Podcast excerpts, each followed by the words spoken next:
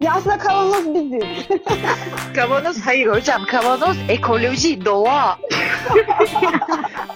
Keşke bu muhabbetleri kayıda yapsak. Kayıt şu an canım benim ne sandın?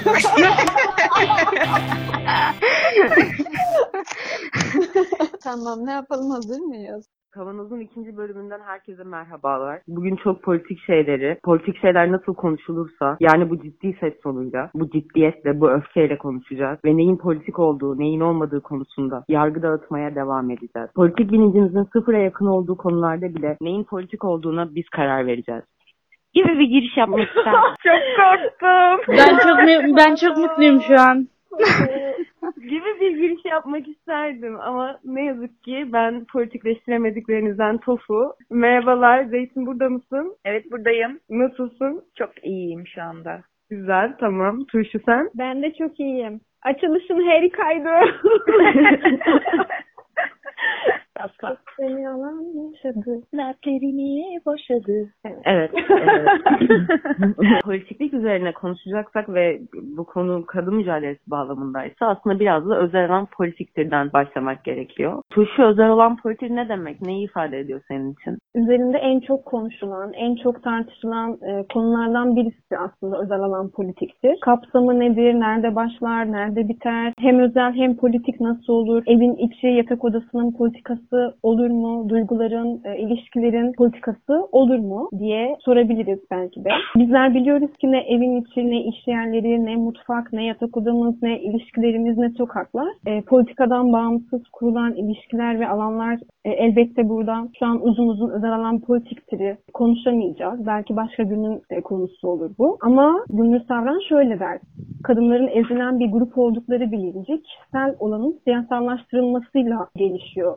Evet aslında bu kalın duvarlarla özel alan ve kamusal alan diye tarif edilen ve setler çizilen arasına iki alan aslında birbirinden o kadar da bağımsız değil ki. Büyük oranda bunun ikiye ayrılıyor oluşunun temel sebebi belki de tahakküm kurmak isteyen kesimlerin egemenliklerinin devamı, konfor alanlarının devamını sürdürmek için olan bir şey. Çünkü bir insan dışarıda neyse yani kamusal alan sokağa çıktığında orada yürüttüğü siyaset, orada tutunduğu takım e, takım ne ya? Benim kıracağız takım olsun be. taraf taraf. Taraftardan aklım takıma gitti. Taraf neyse hangi e, cümleleri sarf ediyor, hangi düşünüş biçimiyle hareket ediyor. Taraf da değil, tutum tutum. Tutum tutum evet. Neydi ya taraf? İstersen başa al.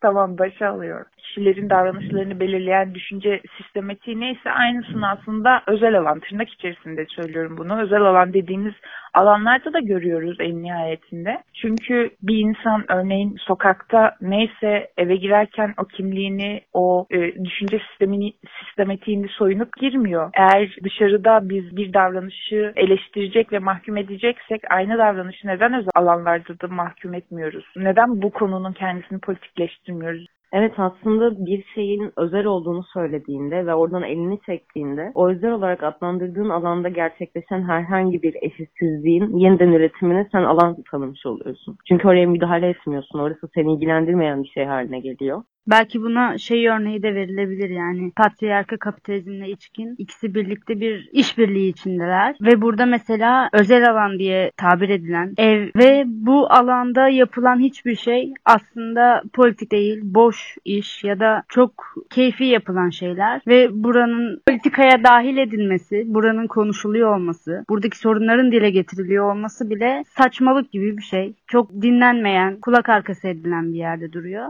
kadınlar ev içinde bir üretim gerçekleştiriyor ve bu özel alan içinde gerçekleştiği için sistemin çok dışında bir yerde ve onu ilgilendirmeyen bir yerde gerçekleştiği için bu emeğin kendisi de görülmüyor aslında. Yani aslında her alandaki eşitsizliği görmek ve oraya müdahale etmek önemli olan. Mesela Aksubar'a kendi deneyimlerini anlattığında kişisel olan politiktir sözünü kendi hayatındaki yerini ve ilk örgütlendiği dönemlerde bunun onu ne kadar etkilediğinden bahsediyor. Ve ezilmeyi görebilmem için yani gerçek ezilmeyi fark edebilmem, görebilmem için feminizme ihtiyacım varmış diyor. Evet kesinlikle öyle aslında. Konuyu tersinden ele aldığımızda eğer benim kişisel deneyimimin hiçbir politik yanı olmadığını düşünüyorsam o zaman benim bir kadın olarak kendimle alakalı olarak sevdiğim şeyler, sevmediğim şeyler, sansürlediğim şeyler, patriarkanın dayatmasıyla karar verdiğim ya da vermediğim şeyler bunların tamamı aslında o sistemsel bağlamından kopartılmış ve sanki sadece TOFU'yu ilgilendiren bir meseleymiş gibi bir hal alıyor. Ama aslında her kadının deneyimi ne kadar biricikse bir yandan şunu da biliyoruz ki kadınlar deneyimledikleri pek çok konuda yalnız değiller aslında. Birçok kadın aynı şeyi yaşıyorlar çünkü aynı sistemin etkisi altındalar.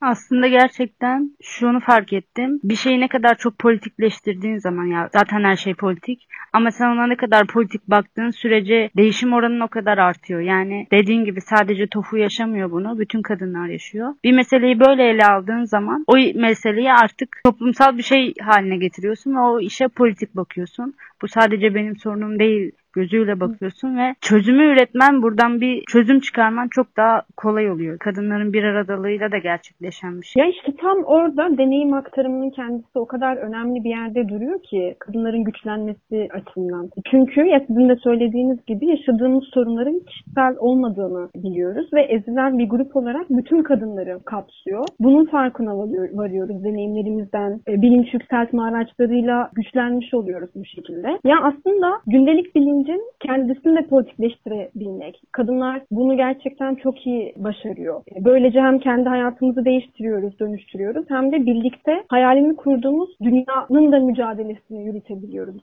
Sarı Ahmet'in bir sözü var. Feminist olmak dünya ile yüzleşmektir. Biz aslında her deneyim aktarımında biraz da yaşadığımız dünyayla, içinde bulunduğumuz sistemle yüzleşiyoruz. Bu yüzden zaten oradan güçlenerek çıkıyoruz. Buradan baktığımızda konuya bizim için kadınların her bir aradalığı, bu herhangi bir sohbet de olabilir, bu bir bilinç yükseltme toplantısı da olabilir. Bizim için oldukça politik bir mesele haline geliyor. Tüm bunların farkında olmayan dışarıdan bir bakış bunu şu şekilde eleştirebiliyor. Ya işte yine toplandılar, kendi hayatlarından bahsediyorlar, öyle bir şeyleri konuşuyorlar. Evet, gündelikleştiler gibi. Hep kişisel mevzularınızı konuşuyorsunuz. Biraz politik şeyler konuşuyorsunuz. Of, bitiyorum bunu. Neden güle oynaya 8 Mart'a gidiyorsunuz? Eğlenmeye gidiyorlar. o ne biçim döviz? Evet evet yani gerçekten sadece bu toplantılarla sınırlı da kalmıyor bu eleştiriler. Kadınların, milyonlarca kadının her yıl sokakta olduğu, eylemler düzenlediği bir günle ilgili bile aynı kaynaktan beslenen eleştirileri sunabiliyorlar. Hatta bizim bunu atfettiğimiz bir gün var biliyorsunuz. 9 Mart 9 solcu abilerin döviz eleştirme günü. yani bir kadın diyor ki mesela ben diktatör evet. değil vibratör istiyorum. Ki ne kadar da haklı bir söylem ben çok katılıyorum buna. Efendim şimdi 8 Mart'ta bu taşınacak döviz midir? Tabii sadece 8 Mart da değil. Yani haşa sen nasıl vibratör kelimesini alırsın diline ya da kalemini alır da yazarsın dövize yani. Olacak şey mi bu? Ha bir de yani Dünya Emekçi Kadınlar Günü'nde sen emekçi kadınlardan utanmıyor musun da? Arsız. Ay bir aralar Ayol'a çok takılmışlardı. Neymiş efendim? Liberal bir söylenmiş. Vallahi ben Ayol deyince çok rahatlıyorum. Yani şimdi nasıl yani ya? Zeytin, evet. benim seni sevmem, seninle vakit geçirmem, seninle sohbet etmem, bu konuları konuşmam politik bir şey değil mi şimdi? Bence Tofucuğum, bu durumun kendisi kesinlikle politik. Neden? Biliyor musun? Neden? Çünkü asıl politik olmayan şey politik olduğu iddiasında olan arkadaşların ki bunlar büyük oranda e, erkekler oluyorlar. Belli bir mücadele hattında o mücadelenin dinamiklerini kavrayamamaktan ötürü. Yani kadın mücadelesinin dinamiğini kavrayamayan bu arkadaşlar maalesef ki bu tarz eleştirilerde bulunabiliyorlar. Evet. Bilal'i anlatır gibi anlattığımız programımıza hoş geldiniz. anca öyle canım benim anca öyle. ya ben mesela şunu anlayamıyorum gerçekten. Yani bir şeyi söyleyiş tarzını ciddiye alıp alınmamamızı etkiliyor ya ona göre ciddiye alınıyoruz. Yani ben mesela bir şey gülerek söylediğimde, konuştuğumda, neşeli bir şekilde anlattığımda neden ciddiye alınmıyorum? Ya da neden benim anlattığım şey artık politik olmaktan çıkıyor? Patriarka. Patriarka bir yargıç. Verdiği her fırsatta. Dım dım dım dım dım. Ceza sebep şiddet. Evde işte sokakta. Aa, ev olmaz hocam özel alan. Özel alan lütfen lütfen ya. Sorry. Kısır muhabbeti diyorlar ya bizim bu konuşmalarımız. Evet. Yani gün gün yapıyormuş gibi bir araya gelip çay sohbeti yapıyormuşçasına basite indirgeniyor bunlar. Ve yani şunu çok net söylüyorum kendi açımdan. Benim feminist bilincimin ve feminist politikleşme belki de bu politikleşmenin kendisi başka mücadele alanlarındaki politikleşmemi de çok etkiledi. Kesinlikle bu bir araya geldiğimiz ve deneyim paylaştığımız toplantılardan ya da buluşmalardan ya da belki de gerçekten kısır çay muhabbetlerinden oluştu. Yani belki Tofun'un da biraz bahsettiği şeyi çok önemsiyorum. Şunu fark ediyorsun gerçekten. Yani bir senin yaşadığın bir sorun var, bir sıkıntı var. Ve bunun kendisi sadece senin yaşadığın bir şey değil. Bu deneyim aktarımlarında bir bakıyorsun ki birçok kadın yaşıyor zaten bunu ve oradan şunu kavruyorsun. Ya bu kişilere özel bir şey değil, kişisel bir şey değil. Bu çok sistematik bir şey. Sistemin ta kendisi, patriarkanın ürünü ve buradan doğru bakış açımda kişilere kendine yöneldiğin sorunlardan ziyade hedefine bir sistemi alıyorsun. Bu zaten politikleşme dediğimiz mevzunun ta kendisi. Herhalde burada sıkıntı şu oluyor. Ya mesela ben bir deneyimimi aktaracağım da bunu ciddi bir şekilde aktarmayabiliyorum ya. Mesela çok çok kötü bir şey yaşamış olsam bile ve başımdan çok kötü bir şey geçmiş bile olsa ben bunu gelip gülerek anlatabiliyorum. Ne bileyim daha demin iki dakika önce başımdan geçen şeyin e, yarattığı duyguyla ağlarken bir anda arkadan bir kahkaha atabiliyor. Bu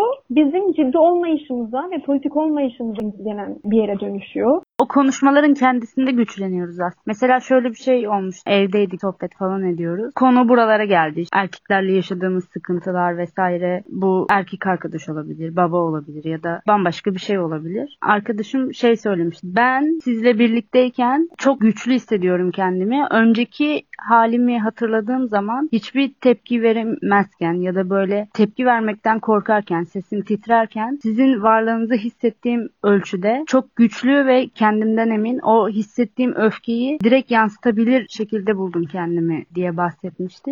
Birbirimizi güçlendirmek ve o aktarımlardan güçlü çıkmak bir yana aslında teori dediğimiz şey de böyle oluşuyor. Buralarda oluşuyor. Yani Kesinlikle. feminizmin beni her zaman en çok hayran bırakan yönlerinden biri şey olmuştur. Gerçekten pratikte ne varsa onu alıyor ve bir şekilde teoriyi bununla besliyor ve teoriden aldığını sürekli olarak pratiğe uyguluyor. E sen oturup bu deneyimlerini paylaşmazsan, bir şeylerin adını koymaya başlamazsan onun teorisini nasıl oluşturacaksın aslında bir yerden baktığında? Ya çünkü durdurulduğumuz anlardan yapmak ya da olmak istediklerimizin engellenmesinden çok şey öğrendik ve belki anlatınca, belki ne bileyim e, başkasının deneyimiyle bilince çıkarttık tüm bunları. E, Gerçekten yalnız değiliz, yaşadığımız şeyleri sadece biz yaşamıyoruz. Onun fark edilmesi de çok önemli bir yerde duruyor. Burada Sara Ahmet beni çok etkileyen bir şey söyler. İşte Gidecek yerimiz var çünkü başkaları da aynı yollardan geçti. Çok güzel. Şunun fark edilmiyor oluşu da bana çok saçma geliyor. Çok göz önünde çünkü bence. Turşu söylemişti. Kahkaha atarak bir şeyden bahsettiğimizde bu politik görülmüyor mesela. Ama bizim yaşadığımız ülkede kadının kahkaha atmasıyla alakalı olarak pek çok şey söyleniyor siyasiler tarafından. Kadın kahkaha atamaz. Kahkaha atarsa ahlaksızdır, öyledir, böyledir vesaire. Yani bir kadının kahkahası bile, bir kadının duygusallığı bile, herhangi bir hislenme biçimi bile bu kadar onun cinsiyeti üzerinden üzerine gelinen, onu ayrımcılığa maruz bırakan bir yerde duruyorken tüm bunları pratiğe döküyor olmak nasıl politik olarak görülmüyor? Bu aradaki bağlantı nasıl kurulamıyor? Buna ben çok anlam veremiyorum. Ki bence bu koşullar içerisinde kahkahamız gerçekten bir başkaldırı. Öyle ya kadınların bir yerde bütün duygularını aslında net biçimde söyleyebiliyor oluşu büyük oranda bir duvarı yı- yıkmak anlamına geliyor. Çünkü çokça birçok duygumuzu söylemememiz dile getiriliyor. Yani belli duygular var kadınların yaşayabileceği ya da net bir şekilde ortaya koyabileceği ama onların dışındakileri ortaya koyduğunda ortada bir sorun var. Kahkaha bunlardan biri, sinirlilik, öfke bunlardan biri. Bir erkek sinirlendiğinde çok doğal, normal erkek yani sinirlenebilir. Ama bir kadın sinirlendiğinde aa ortada bir problem var. O yüzden bütün duygularımız aslında ne, ne kadar çok duygu varsa bunları bir şekilde net bir şekilde ortaya koyuyor oluşumuz son derece politik. Kesinlikle.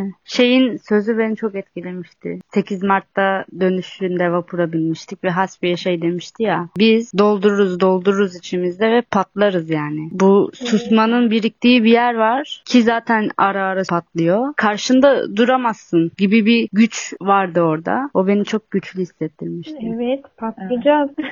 Mor O devrim gelecek. O konuşmada şey de beni çok etkilemişti. Unuttum. Konuşmanın baştan sona kadar her yeri etkileyici. Sen şey ya biz o kadar çok acı çektik ki senin gazından mı korkacağız? Aynen Evet. öyle. Ve o sokakları bütün engellemelere rağmen binlerce kadın doldurmuştuk. Kimse erkeklikten de korkmuyor yani. Bunu da bilsinler. Politikliğimizi sorgularken de bilsinler bunu. Yeni sloganlar ürettik ya. Sen gittin trafiğe kapattın yolları. Acıvenlere inat yaşasın 8 Mart dedik. Evet. Kesinlikle. Ya ben şey örneğini ekleyecektim de bir önceki muhabbete. Bu söylenmeyenleri söylüyor olabilmenin politikliği ya da hissedilenlerin kendisini net bir şekilde söyleyebilmeyle ilgili bu annelik, kutsal annelik var ya görev olan şey. Bir ara şey olmuştu hatırlarsınız belki. Anneler aslında bunun çok da mükemmel bir şey olmadığını dile getiriyorlardı ve yer yer bundan bıktıklarını, çok tatlı, mükemmel bir duygu olmadığını, bazen de acı bir şey olduğunu, acı tatlı bir iş olduğunu aslında bunun dile getirmişlerdi. Yani aslında söylenmeyenleri söyleyebilme, hissedilenleri söyleyebilme burada da kendini net bir şekilde ne kadar politik olduğunu. Çünkü o kutsanan şeyi ters düz eden bir şey söylem, bu söylemin kendisi. Bu, bu kadar deneyim aktarımından bahsetmişken ufak bir deneyim aktarımı da yapalım madem. Sizin var mı böyle çok politik olup da politik algılanmadığınız anlar? Geçtiğimiz aylarda bir yazı yazmayı düşünüyordum biliyorsunuz. Solcu ortamdaki erkekliğe dair. Bir arkadaşımla paylaştım fikrimi. Ve bana şu cevabı verdi. Ülkede o kadar sorun varken, yazılacak o kadar konu varken bu mu kaldı yazılacak? Oba. Bunu dedi. Bunu gerçekten söyledi. Oba. Yani gerçekten bazen diyorum ki hani, hani çok basitmiş gibi gelen söylemler gerçekten suratıma böyle tokat atıyorlarmış hissi uyandırıyor. Yani politik konuları bile böyle kendi içinde ayrıştırıyorlar. Hangisi daha politik, hangisi daha az politik ve nedense daha az politik olan hep kadın mücadelesine dair olan konular oluyor. Ya ben o dönemi hatırlıyorum nasıl bir dönem olduğunu. Yani ülke gündemi açısından gerçekten yoğun bir dönemdi ama kadın mücadelesinin ele aldığı konuların kendisi aslında zaten yoğunluğu herhangi bir gün azalmayan bir şey. Yani her gün kadınlar katlediliyor, her gün o toplumsal cinsiyet eşitsizliğine dair bir sürü şiddet biçimine maruz kalıyor. Her gün özgürlüğü kısıtlanıyor ve bu, bunu sıralı, sıralayabiliriz yani kocaman bir sürü şeylerle doldurabiliriz. Yani mesela bizim üzerimizden düşünüyorum. Bizim de içerisinde bulunduğumuz pek çok farklı mücadele alanı var. Ama biz bu mücadele alanları arasında hiçbir zaman bir öncelik sonralık ilişkisi kurmuyoruz. Hiçbir zaman o an için bile olsa birini daha politik görmüyoruz diğerinden. Bu da biraz şundan da kaynaklanıyor bence. Yani feminist bilinç gerçekten öyle bir şey ki mesela biz herhangi bir toplumsal cinsiyet eşitsizliğinden kaynaklanan şiddet biçimi arasında da bu hiyerarşiyi kurmuyoruz. Şunu da biliyoruz çünkü yani ısrarlı takiple bir cinsel saldırı arasında bir hiyerarşi yok. Biri diğerinden daha önemli değil. Meselelerin her zaman kaynağına odaklandığımız ve sistemsel olarak baktığımız için böyle gündelik çabalara girmiyoruz. Gündelik önem atfetmelere girmiyoruz. Çünkü biraz daha bütünlüklü olarak bakıyoruz aslında her şeye. Şunun farkındayım. Biz bir kadın olarak var olduğumuz her saniye, yaşamımızın her saniyesinde kadın olmamızdan kaynaklı bir mücadele veriyoruz. Gündelik yaşam pratiklerimizin birçoğu bizim için bir mücadele aslında. Karşımızda bunların hiçbirinin farkında olmayan bir insan çıkıp da sen yeterince politik değilsin, sen şu şöyle değil, bu böyle değil diye ahkam kestiğinde, bilmediği, hiç tatmadığı bir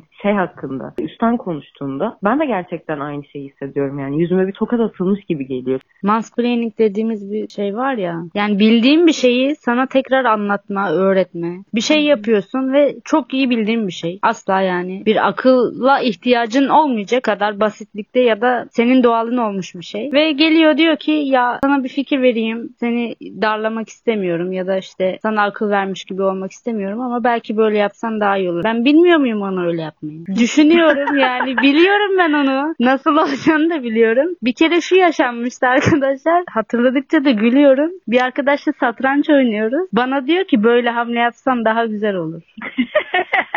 Arkadaşım bu iki kişilik mi? bir oyun. Sana ne oluyor?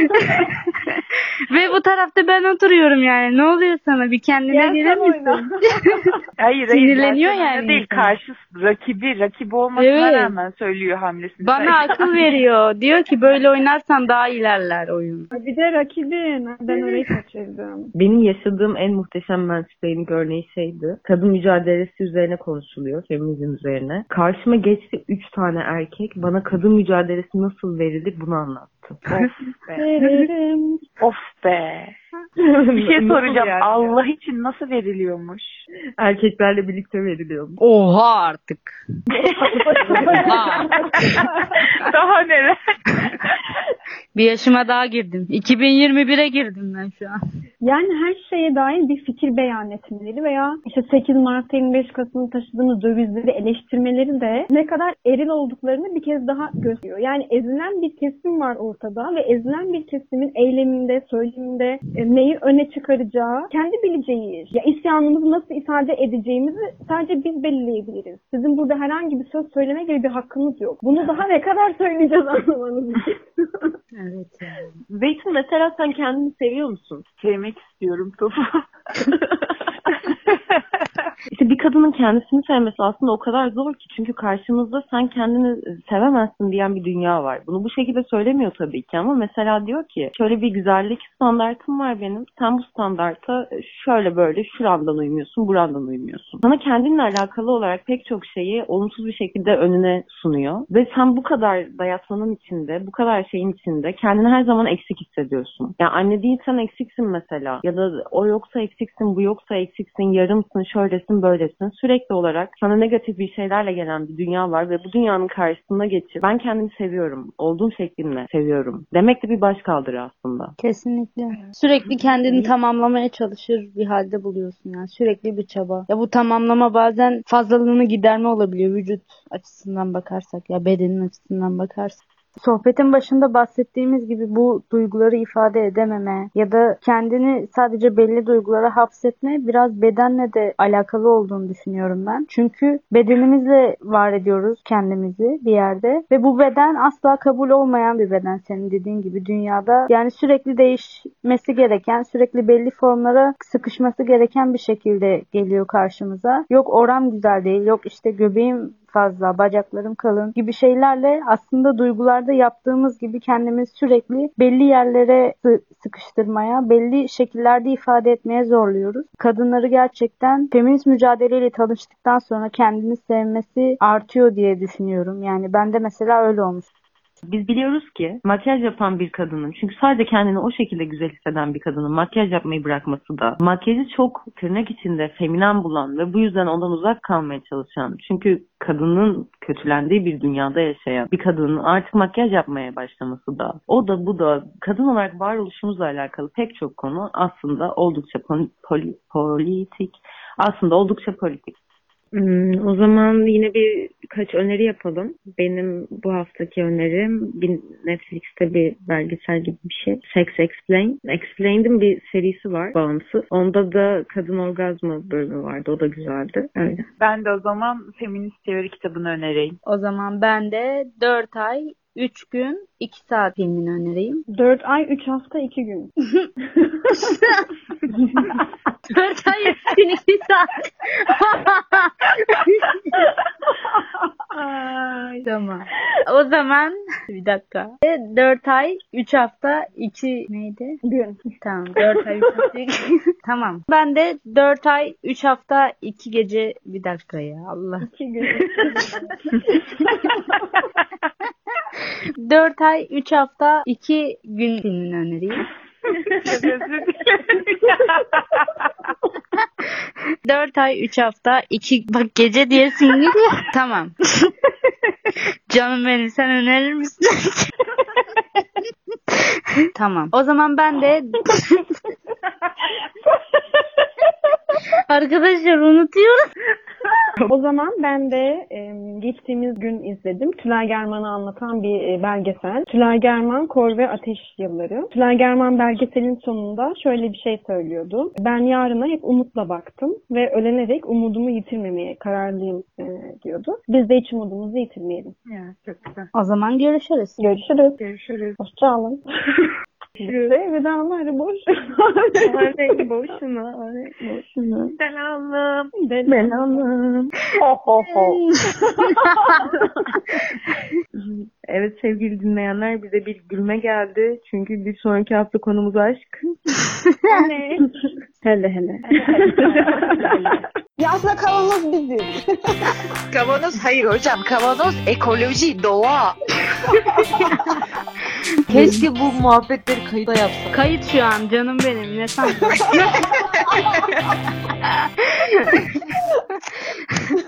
tamam ne yapalım hazır mıyız?